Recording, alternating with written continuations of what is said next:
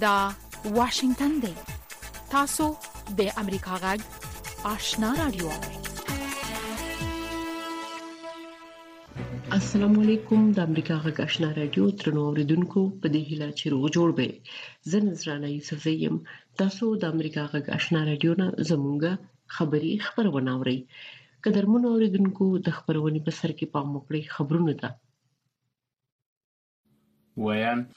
احمد الله ارچیوال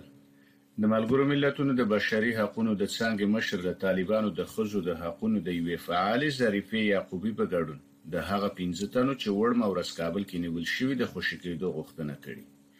فعالانو بي بي سي ته ویلي چې دا کسان کابل کې د یوې خبري غونډې پر مهال نیول شوی رویټرز خبري اژانس د ملګرو ملتونو د بشري حقونو د لوی کمېشنر ولکر تورک په حواله راپور ورکړی چې ملګري ملتونه کابل کې د خبري کانفرنس پر مهال د یوې ښځې په ګډون د څو تنو نیول کېدو ته اندېښنه لري. رویټرز لیکلي، ملګرو ملتونو د دې کسانو د خوشې کولو غوښتنه کړې. د طالبانو تر کنټرول لاندې د ازموینو ملي ادارې نن د څوارلس سوه یو کال د کانکور ازموینې پایلې اعلان کړي. د څوارلس سوه یو کال د کانکور ازموینې د پایلو اعلان، هغه چې له لومړی تر لسم نمره یې ټول هلکان دي. سږ کال د کانکور عمومي اول نمره د هرات اوسېدونکی سلیمان دی. خو تېره اوړم کال د کانکور عمومي اول نمره ګانې دوه نجونې سلګۍ او شمسیه وې. د پایلو اعلان دا پوښتنه زېږوي چې ولې سږکال ان په لسو غوره بریالیو شوو کې ان یوه نجلۍ نشته؟ هغه چې طالب چارواکي ورته هیڅ ځواب نه وايي، خو طالبانو د کانکور د ازموینې پر شفافیت ټینګار کړی. د پاکستان په کراچۍ ښار کې پولیسو د مېرمنو او کوچنیانو په ګډون درې سوه دیارلس افغان کډوال نیولي. د کراچۍ ختیځې ولسوالۍ د پولیسو مشر ایس ایس پي فیصل بشیر میمن نن مشال راډیو ته ویلي، چې د غیر قانوني اوسېدونکو افغان کډوالو پر ضد په ځانګړي اقدام کې یې درې سوه دیارلس داسې افغان وګړي نیولي، چې په پاکستان کې د اوسېدو لپاره یې اسناد نه درلودل ميمن زياته کړې، چې دا کسان د کراچۍ ښار په بېلا بېلو سيمو کې نيول شوي او د دوی بايومټريک اسناد به کتل کېږي. د اېم ټي اېن ګروپ د افغانستان برخې سوداګري د اېم ون نيو وينچورز په نوم په يوه بېروت مېشتي شرکت د پنځه دېرش ميليونو ډالرو په ارزښت پلوري. د بلوم برګ امريکايي خپرونې په شمول څو رسنيو د اېم ټي اېن شرکت په حواله ويلي، چې اېم ټي اېن په افغانستان کې خپل کاروبار په داسې حال کې پلورل غواړي، چې د مخابراتي شبکو دا شرکت غواړي له خپلې کورنۍ لویې وچې افریقا بهر خپل حضور راکم کړي. د ایم ون ګروپ مالکیت د میکاتي په نوم د یوې لبنانۍ کورنۍ سره دی. له امریکا غږ څخه خبرونو ته دوام ورکوو. د امریکا د ملي امنیت سلاکار جیک سلیوان پرون کییف ته د سفر پر مهال په امریکا کې د منځمهالو ټاکنو ته له پام پرته د روسیې پر ضد جګړه کې له اوکراین سره امریکا د مرستو د دوام ټینګار کړی. د متحده ایالتونو د ملي امنیت سلاکار جیک سلیوان پرون په یوه ناڅاپي سفر کییف ته ورسېد او هلته یې د اوکراین له ولسمشر زیلینسکي سره په کتنه کې وویل، د راروانې سې شنبې په ورځ د امریکا د منځمهالو ټاکنو پایلې چې هر څه وي، هېواد باید د اوکراین ملاتړ ته دوام ورکړي. یو شمېر جمهوري پالو سیاستوالو ویلي، چې که یې د نومبر د اتمې په ټاکنو کې د کانګرس اداره ترلاسه کړه، نو له کییف سره د امریکا مرستې به کمې کړي. بلخوا د روسیې ولسمشر ولادیمیر پوتین په عام محضر کې د اوکراین له اشغال شوي سویلي ښار خرسون له ځینې برخو د ملکي خلکو ایستل تایید کړي. د کییف ځواکونه پرله پسې د دې مهم ستراتیژیک ساحلي ښار پر لور پرمختګ کوي. په دې اړه زما همکار راپور راکوي. ښاغلي پوتین ویلي دي چې د دې ښار په خطرناکو سیمو کې مېشت خلک باید ځکه وایستل شي چې په وینا یې ملکي خلک باید ونه ځورېږي. رپوټونو کې ویل شوي د اوکراین له دې یوازیني ښاره چې روسي ځواکونو په فروری میاشت کې له یرغل وروسته نیولی نږدې اویا زره ملکیان ایستل کیږي مطیع الله عابد امریکا غږ اشنا راډیو په ایران کې د حکومت ضد مظاهرو په دوام د دې هیواد سني مسلمانانو یوه مخکښ مشر د معترضانو د غوښتنو په اړه د بیړنۍ ټولپوښتنې غوښتنه کړې. مولوي عبدالحمید پرون په جنوب ختیځ ښار زاهدان کې د جمعې د لمانځه په وعظ کې وویل چې دا ټول پوښتونه دې د نړیوالو څارونکو په حضور کې ترسره شي څو د خلکو د غوښتنو پر بنسټ د ایران په پالیسیو کې بدلون راشي. نوموړي د قم پر مدرسو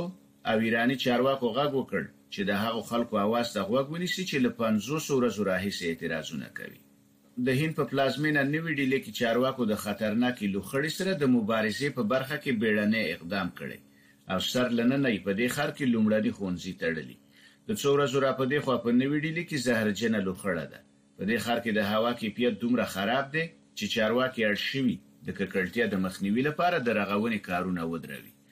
حکومت همدارنګه ښار ته د هغو لاریو موټرو ورتګ بند کړی چې په ډیزلو چلیږي او هم یې د لوخړې ضد الې نصب کړي.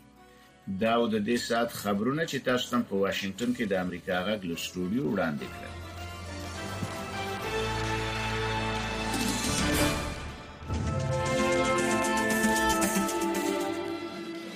د امریکا غږ آشنا راډیو درنو اوریدونکو! تاسو کولای شئ د امریکا غږ آشنا رادیو خبرونه په منځنوي سپو 12 شپږنوي او 902 کیلو هرتز او لنډ چپی 11515 باندې واوري د امریکا غږ آشنا رادیو درنو اوریدونکو تاسو خبرونه واوریدل په موکړی زمونږ د خبرونې لومړی رپورټ ته د طالبانو د حکومت ویاند ذبیح الله مجاهد د افغانستان په اړه د امریکا د جمهور رئیس جو بایډن د جمعې د ورځې څرګندونې د هغه د مایوسۍ او د عقدې زیږنده وبلله جمهور رئیس بایډن د کالیفورنیا په ایالت کې وی غونډې ته په وینا کې ویلي چې افغانستان هغه ځای دی چې خدای ترک کړی دی ان حال کې خغلی مجاهد ویلي چې امریکا او طالبان د قطر په پایتخت دوحه کې دوامدار تماسونه لري اکرام شینواری رپورټ را لګره د طالبانو د حکومت ویاند ذبیح الله مجاهد د شنبې په ورځ کابل کې یو خبري کنفرانس ته په وینا کې چې رسنیو سره ترکیې ته د خپل سفر د جدیاتو د شریکولو لپاره جوړ شوی د امریکا د جمهور رئیس جو بایډن د تیرې جمعې د ورځې څرګندونو ته هم غبرګون وښود او د هغه څرګندونې د مایوسۍ او اوږدې زیږنده وبللې آنها طبعا نمیفهم که آنها بر کدام اساس یه حرف خود زده ښاغلي مجیدي ویل هغوی طبعا نه پوهیږم چې په کوم اساس دا خبرې کړي خو افغانان خپل ژوند ته دوام ورکړي او د امریکا او نورو هیوادو مرستې ته اړتیا نه لري که چیري د قانوني او مشروع لارو مونږ سره تعامل لري مونږ ورسره په مثبت ډول تعامل کوو هغوی چې د مایوسۍ او عقدې ډکې څرګندونې کوي هغوی پورې اړه لري افغانان کومه وړتیا چې لري مخته ځي او انشاءالله خپل وطن به پخپله جوړوي خودشان آباد جمهوررئیس جو بایډن د جمعې په ورځ د امریکا د متحده ایالاتو د کالیفورنیا په ایالت کې یوې غونډې ته په وینا کې د افغانستان په باب د څرګندونو پر مهال دا هیواد د یو داسې ځای په توګه یاد کړ چې د جمهوررئیس بایډن په وینا افغانستان هغه ځای دی چې خدای ترک کړی دی ذبیح الله مجاهد د قطر په پایتخت دوحه کې د امریکایي لوړپوړو چارواکو سره په نږدې راتلونکي کې د خپل حکومت د لوړپوړو چارواکو د کتنې په اړه ویل چې دغسې کومه کتنه په پلان کې نشته دی خو ښاغلي مجاهد ویل چې د قطر دفتر په پرله پسې ډول د امریکایي چارواکو سره تماسونه لري ما یک روزنه در دوحه داریم که با نماینده های آمریکایی ما ښاغلي مجید وویل موږ په دوحه کې یو دریمسه لرو او د امریکې استازو سره موږ دوامداره تماسونه لرو که چیرې کوم امریکایي مسول هلته ځي او غواړي د افغانانو سره وویني زموږ استازي هم ځینې وخت هلته ځي هغوی سره لیدلي او موضوعات یې مطرح کړي د سیاسي چارو یو شمېر افغان کارپوهان د افغانستان په باب د امریکا د جمهور رئیس وروستۍ څرګندونې د هغو پریکړو زیږنده ګڼي چې ښاغلي بایډن په لنډمهاله موده کې کړي دي همداشان د سیاسي چارو ځینې افغان کارپوهان په دې باور دي چې د امریکا او طالبانو ترمنځ خبرې هیڅکله بندې شوې نه دي د سیاسي چارو یو کارپوه طارق فرهادي وایي چې ځینې سیاسیون چې کله د یو لړ مسایلو په باب ناسمې څرګندونې کوي د هغه تلاطم له امله یې کوي چې ورسره مخ دي ښاغلي فرهادي وویل چې د جمهوررئیس بایډن خبرې د هغو پرېکړو له امله دي چې هغې د افغانستان په باب د لنډمهالو پرېکړو په ترڅ کې کړې دي. او در آخر به فایده امریکا تمام نشوه. ښاغلي فرهادي ویل په اخر کې دا پرېکړې د امریکا په ګټه هم تمامې نه شوې. د نړیوالو اړیکو یو استاد رضا قاسمي د طالبانو او امریکي چارواکو ترمنځ د تماسونو په اړه په دې باور دی چې دغو دواړو خواوو ترمنځ تل خبرې روانې وې او اوس چې امریکا له کابل څخه خپل دفتر دوحې ته لېږدولی او طالبان هم په دوحه کې سیاسي دفتر لري نو د دواړو خواو ترمنځ خبرې هر وخت چې وغواړي د رسنیو د حضور پرته خبرې کېدای شي د نړیوال اړیکو دا کارپوه وایي چې د امریکا او طالبانو په خبرو کې نه پخوا او نه هم اوس د امریکا او طالبان د اسادو پرته نور افغانان دخیل نه دي چون در بهترین شرایط زیر نام ښاغلي قاسمي ویل د دې لامل چې په ډیرو ښه شرایطو کې د دوحې د سولې د تړون تر نامه لاندې خبرې چې یوازې د امریکا او طالبان ترمنځ ترسره شوې په دې خبرو کې د افغانستان خلک هیڅکله دخیل نه وو او اوس هم چې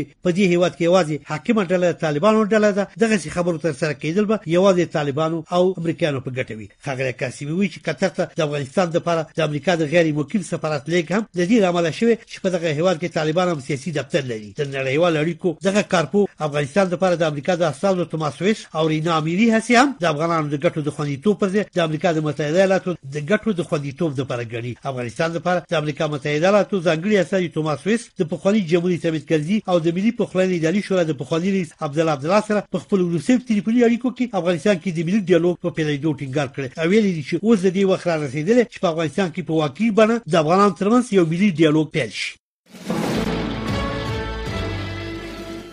د امریکا جغ آشنا رادیو ډیرو درنو اوریدونکو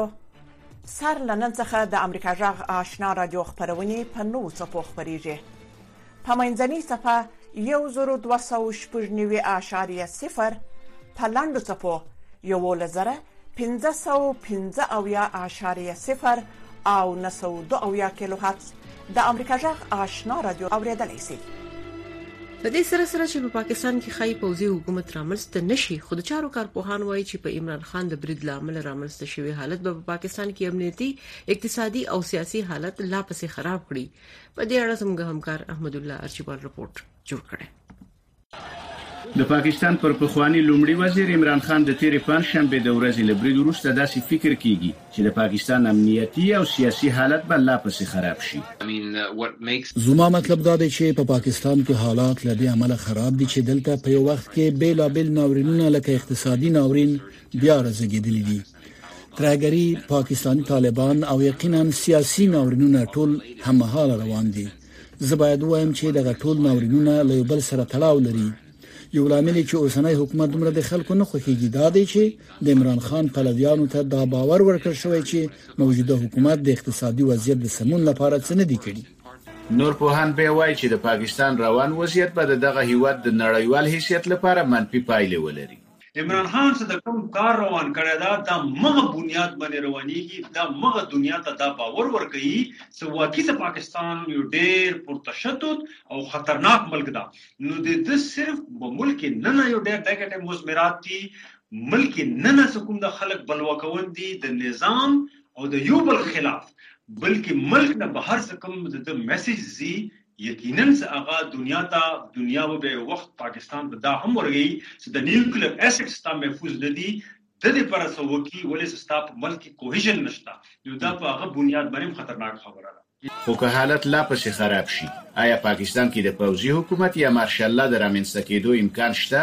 دا امکان چې پوځي حکومت راشي نه شي رد کېدلای، خو زه د پوځي حکومت د رامنځته کولو تصور نه کوم، د دې لامل دا دی چې پوځ هماغه څه چې پخوا وو اوس په پاکستان کې د خلکو په منځ کې زیات محبوبیت نه لري،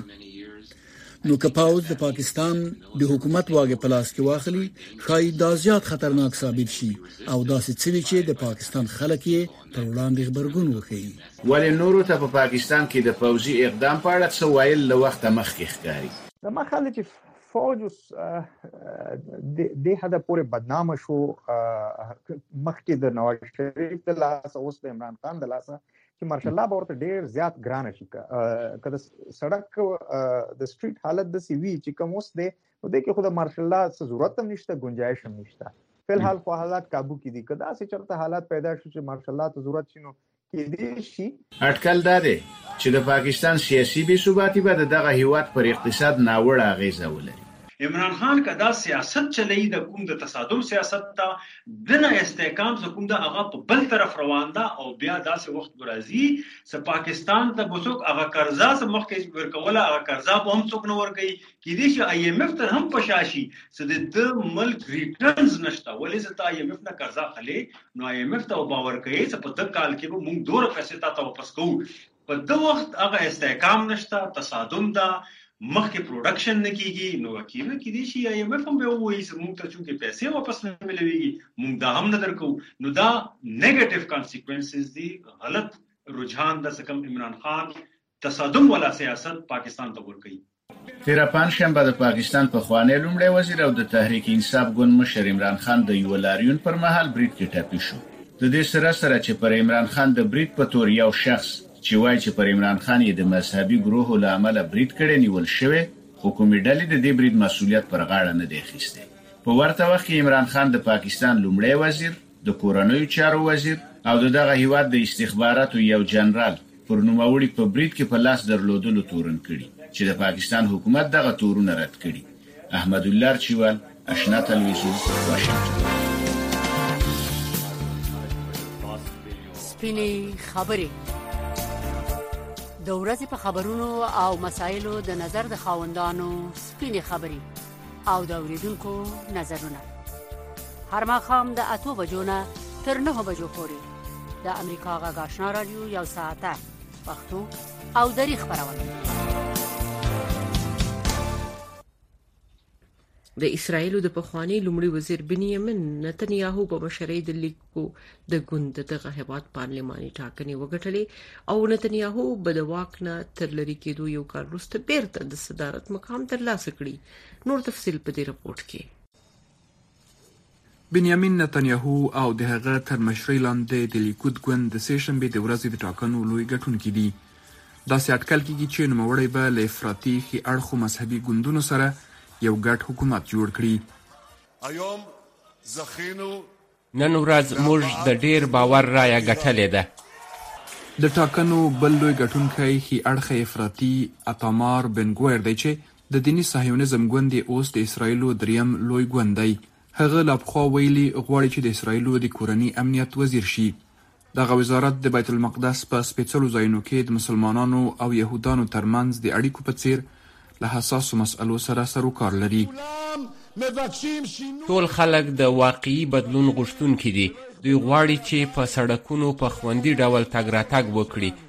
دوی غواړي چې زموږ د عسکرو او پولیسو لاسونه تړلي نه وي دوی غواړي چې د هغو کسانو ترمنځ چې د اسراییلو دولت ته وفادار دي او هغه کسان چې زموږ د ګران هیواد موجودیت تر پوښتنې لاندې راولي توپیر وسی د ځینو اسراییلي شنونکو په اند د نوي حکومت لومړنی لومړیتوب به په نتانیاهو باندې د فساد روانې مقدمې ته د پای ټکی کېښودل وي. نتانیاهو به وغواړي هغه قانون تصویب کړي چې دینی صهیونیزم لخوا پیشنهاد سوی او په ترڅ کې به یې د هغه محاکمه ختمه سي شنونکي زیاتوي چې نتانیاهو به د اسرائیلو د بهرنۍ پالیسۍ په لومړیتوبونو کې هم بدلون راولي.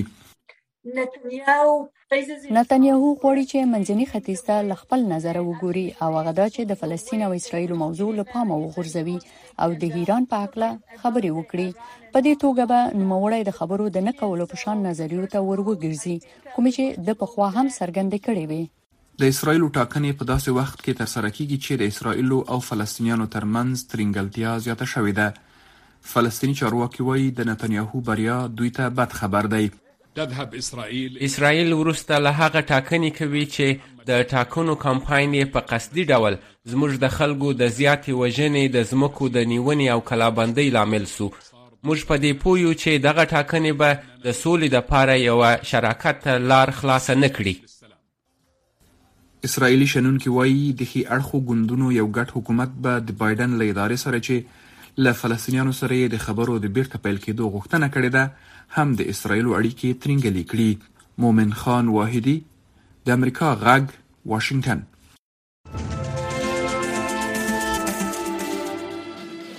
د امریکا غږ آشنا رادیو درنو اوریدونکو تاسو کولای شئ د امریکا غږ آشنا رادیو خبرونه په منځنوي سپو 12 شپږنوي او 902 کیلو هرتز او لنډ چپی 11515 یا باندې واورئ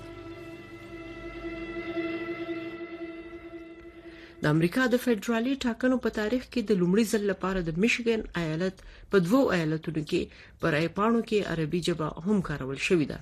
پام وکړئ په دې اړه د کین فراغ د رپورت ژباړې ته چې زه درته دراورم د میشیګن ایالت په ډیربورن ښار کې ګڼشمیر مسلمانان او عربي الاصله امریکایان میشتي د ښار نیمایي برخه عربان دي د ډیټرایټ په دې کلیواله سیمه کې یو لک لس زره خلک اوسېږي او دلته د عرب امریکا د تاریخ ملي میوزیم شته د لبنان الاصل اسامه سبلانی د عرب امریکن نیوز دفترونه هم دلته دي زموږ مجله په هیواد کې تر ټولو زړه او تر ټولو لویه عربي امریکایي خبري مجله یو سیبلاني په نولس سوه اتیاومه لسیزه کې دغه اوونیزه پیل کړه چې په دوو ژبو کې خپرونې کوي. دوی ځانونه په منځ کې ویني، د انګلیسي او عربي تر منځ. د ټولټاکنو د خبرونو خپرول د ستونزو نه خالي نه وي. د اوونیزې ډېری لوستونکي تازه راغلي دي او هغه کسان دي چې نوي د امریکا تابعیت اخیستی او تازه یې د انګلیسۍ ژبې زده کول پیل کړي دي. زه دلته په نولس سوه شپږ اویا کال کې راغلی یم او زه کله ناکله د دې وړاندیزونو په لیکلو او لوستلو کې یو څه ستونزې لرم. دلته زیاتره په رایپاڼو د پوهېدلو لپاره په عربي، انګلیسي خپرونو تکیه کوي. عربي هغه ژبه نه ده چې د رای ورکولو د حقونو په قانون کې لیکل شوې وي. د میشیګن پوهنتون د سیاسي علومو د پوهنځي استاد جل ټامسن وایي چې د هغه کسانو لپاره چې د رای ورکولو د حقوقو د تاریخ په قانون کې د هغه ټولنو نه ګڼل کیږي چې خوندي نه دي به د ټاکنو د لارې محلي چارواکو ته لاسرسي ولري دا د اړوندو کارمندانو لپاره یو اختیاري شی دی چې دوی یې وکاروي که دوی دا غني چې دا د دوی په اجتماع کې د رای ورکونکو لپاره ګټور دي په ډیر بونډ کې د لسیزو راهیسې په عربي ژبه لیکل شوی رایپاڼو ته سخت اړتیا و خو د دې لپاره تر اوسه کومه سیاسي اراده نه و لامل دا دی چې په ښار کې کلتور بدل شوی دی having our first uh, Arab American mayor د لومړني عربي ولس له امریکایي ښاروال په لرلو د داسې یوې شورا په لرلو چې نیک رابطه یې ټینګه کړې اوس په امریکا کې عمومي افکار بدل شوي دي مصطفی حمود په 2020م کال کې د ډیربورن ښار شورا ته وټاکل شو او د ټاکل کېدو وروسته هغه د رایو پاڼې په نورو جبو وژباړلې نادیا علامات یو غیر دولتي موسسه د اسیا او آرام سمندر ټاپو د امریکایي رایو د پوهاوی پروګرام سره همکار ده د هغې مور پلار د لبنان نه مهاجر شوی او په میشیګن کې اوسېږي دوی غواړي په عربي ژبه رای پاڼې ولري دا ښه خبره ده چې موږ دغه رای پاڼې هر چیرته لرو د امریکا د میشیګن په ایالت کې دا لومړنی ځل نه دی چې د رایو پاڼې په عربي ژبه کې د منځنۍ دورې په ټاکنو کې کارول کیږي خو دا کولای شي په دغه ایالت کې خلک دې ته وهڅوي چې رای ورکونې ته راشي نظرانه یوسفزۍ امریکا غږ واشنګټن.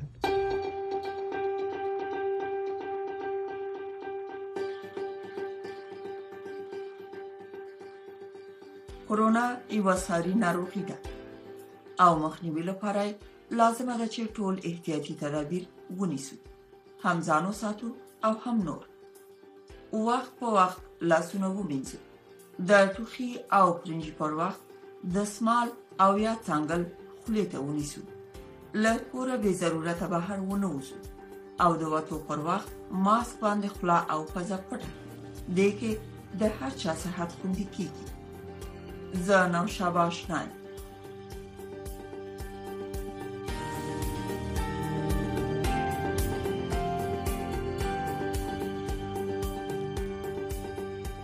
پلازمنې کابل د ټولو ولسوالیو په کلینیکونو کې د نورو روغتيایي خدماتو ترڅنګ کم عمر ماشومان ته د پولیو ساسکي هم ورکول کیږي امیر روغتیا وزارت وایي د غړي غړي په ډکو روغتونونو کې په دوامدار توګه فعال د واکسین رضاکار ټیمونه لري چې ماشومان واکسینوي لیما امرخیل په دې اړه باندې رپورټ رالیږلی. د پلازمېنې کابل ښاري او اطرافي سیمو کې هره ورځ زرګونه خلک دولتي کلینیکونو ته مراجعه کوي. عامې روغتیا وزارت وايي، دوی د کابل ټولو ولسوالیو په دولتي کلینیکونو کې د نورو روغتیايي خدماتو ترڅنګ ماشومانو ته د پولیو واکسین هم تطبیقوي. د دې وزارت ویاند ډاکټر شرافت زمان امرخیل امریکا غږ ته وویل چې په ورځینۍ توګه میندې د خپلو روغتیايي ستونزو د هوارې په موخه کلینیکونو ته ورځي چې ماشومان یې هممهاله واکسینېږي. ډاکټر شرافت زمان په دې هکله زیاتوي. د کابل په اطراف کې او په څومره ولسوالیو کې چې دلته زمونږ روغتیايي مراکز موجود دي هلته زمونږ په روټین شکل سره د پولیو واکسین هم تطبیق کیږي کله چې میندې د خپلو ماشومانو سره راځي او هلته د هغوی روغتیايي ستونزې وي یا هم د واکسین تطبیق لپاره راځي د هغوی د کارت د هغه ټاکلې اندازې او د هغه وخت په اساس باندې ورته واکسین تطبیق کیږي. د نوموړي په وینا په هغو روغتونونو کې چې د ناروغانو ازدحام زیات دی هلته دوی په دوامداره توګه د پولیو روزاکاران برحال ټیمونه ګمارلي چې هر ورځ په کې له 15 کلونو کم عمر کوچنیان واکسینېږي اې دې ترڅنګ کومې سیمې چې هلته یا کوم روغتي مرکز چې ګڼه ګونه پکې زیاته ده موږ د پولیو یو فعال ټیم هم هلته لیږلی دی ولته خاص د یوازې د پولیو د واکسین تطبیق لپاره کار کوي چې ښه مثال په کابل کې د صحت طفل روغتون ده چې هلته ګڼه ګونه زیاته ده موږ د پولیو د واکسین تطبیق لپاره هلته یو خاص ټیم ګمارلی ترڅو ماشومان ته واکسین تطبیق کړي له بلې خوا د کابل عام اوسېدونکي هم د پولیو په روانه مبارزه کې د صحي کارکوونکو له هڅو رضایت څرګندوي خو ټینګار یې په دې دی چې باید دغو هڅو ته په ولایتو کې هم پراختیا ورکړل شي د کابل دوه تنه اوسېدونکو شبیر او سید احسان اشنا رادیو ته وویل په سي بخش کې موږ د روغتیايي کارکوونکو هڅې ستایو ولې ضرورت فقط دا نه ده چې کابل کې دا خدمات په ښه او بهتر شکل مخته لاړ شي ولایتو ته باید خپل زیات پام وشي ځکه د کابل په نسبت په ولایتونو کې خلک زیات خدمات ته اړتیا لري. موږ هم دا وایو چې نه تنها د پولیو د مخنیوي بلکې د نورو هغو میکروبي او ویروسي ناروغیو مخنیوي ته هم پام زیات شي چې هر ورځ موږ د ماشومانو روغتیا ته زیان رسوي د همداسې یو ورځه یې په هیله باندې ان شاءالله. چې پولیو له افغانستان څخه پاک شي. د پلازمېنې کابل اوسېدونکي داسې مهال په روغتیايي مراکزو کې پولیو د مخنیوي د هڅو پر زیاتوالي ټینګار کوي چې لا هم افغانستان کې په لوی اکثریت د غریزو سیمو خلک لومړنیو روغتیايي اسانتیاو ته لاسرسی نه لري. لیما مرخیل امریکا غږ آشنا رادیو کابل د واشنگټن څخه د امریکا غږ آشنا رادیو اوري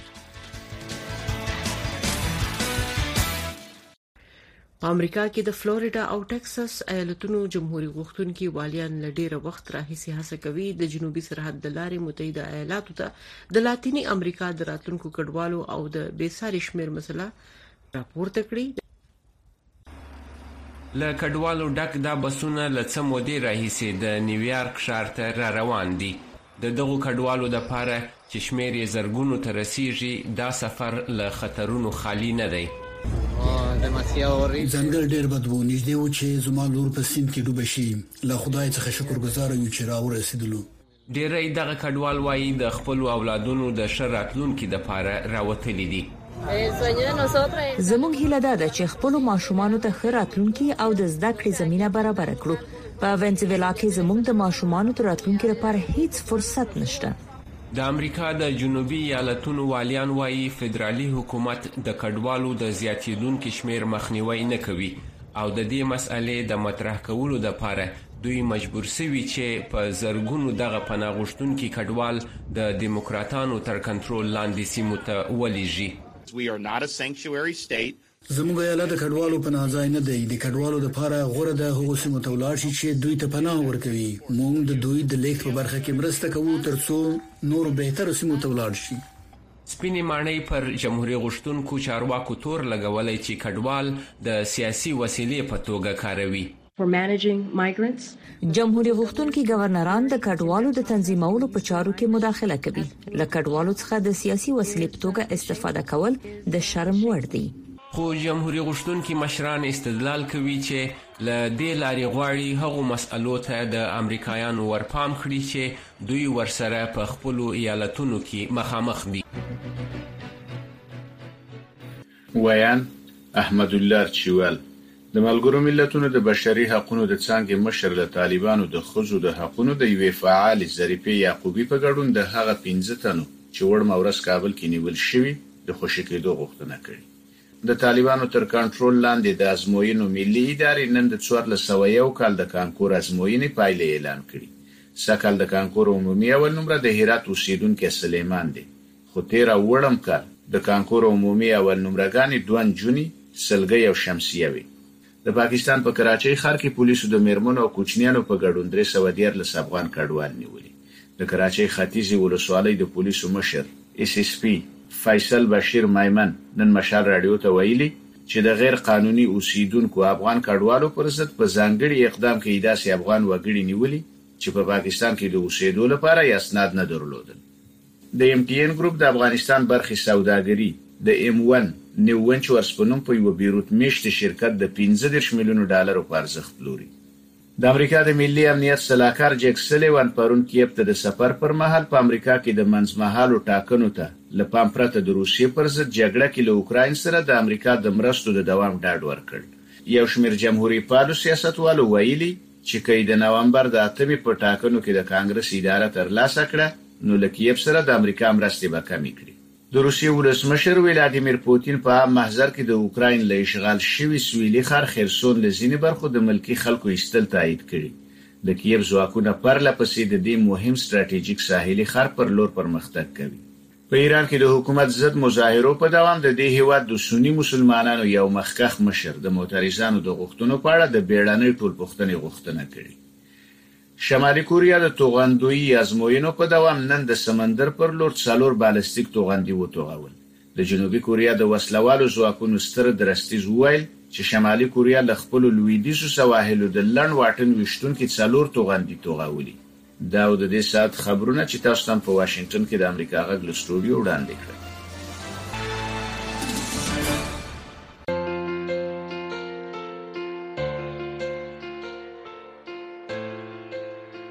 قدرمنو اوریدونکو تاسو د امریکا غږ آشنا راډیو نه زموږ خبری خبرونه واوریده موږ تاسو نه په دې هیله اجازه غواړو چې خبرونه به اوریدلې وي د خوده په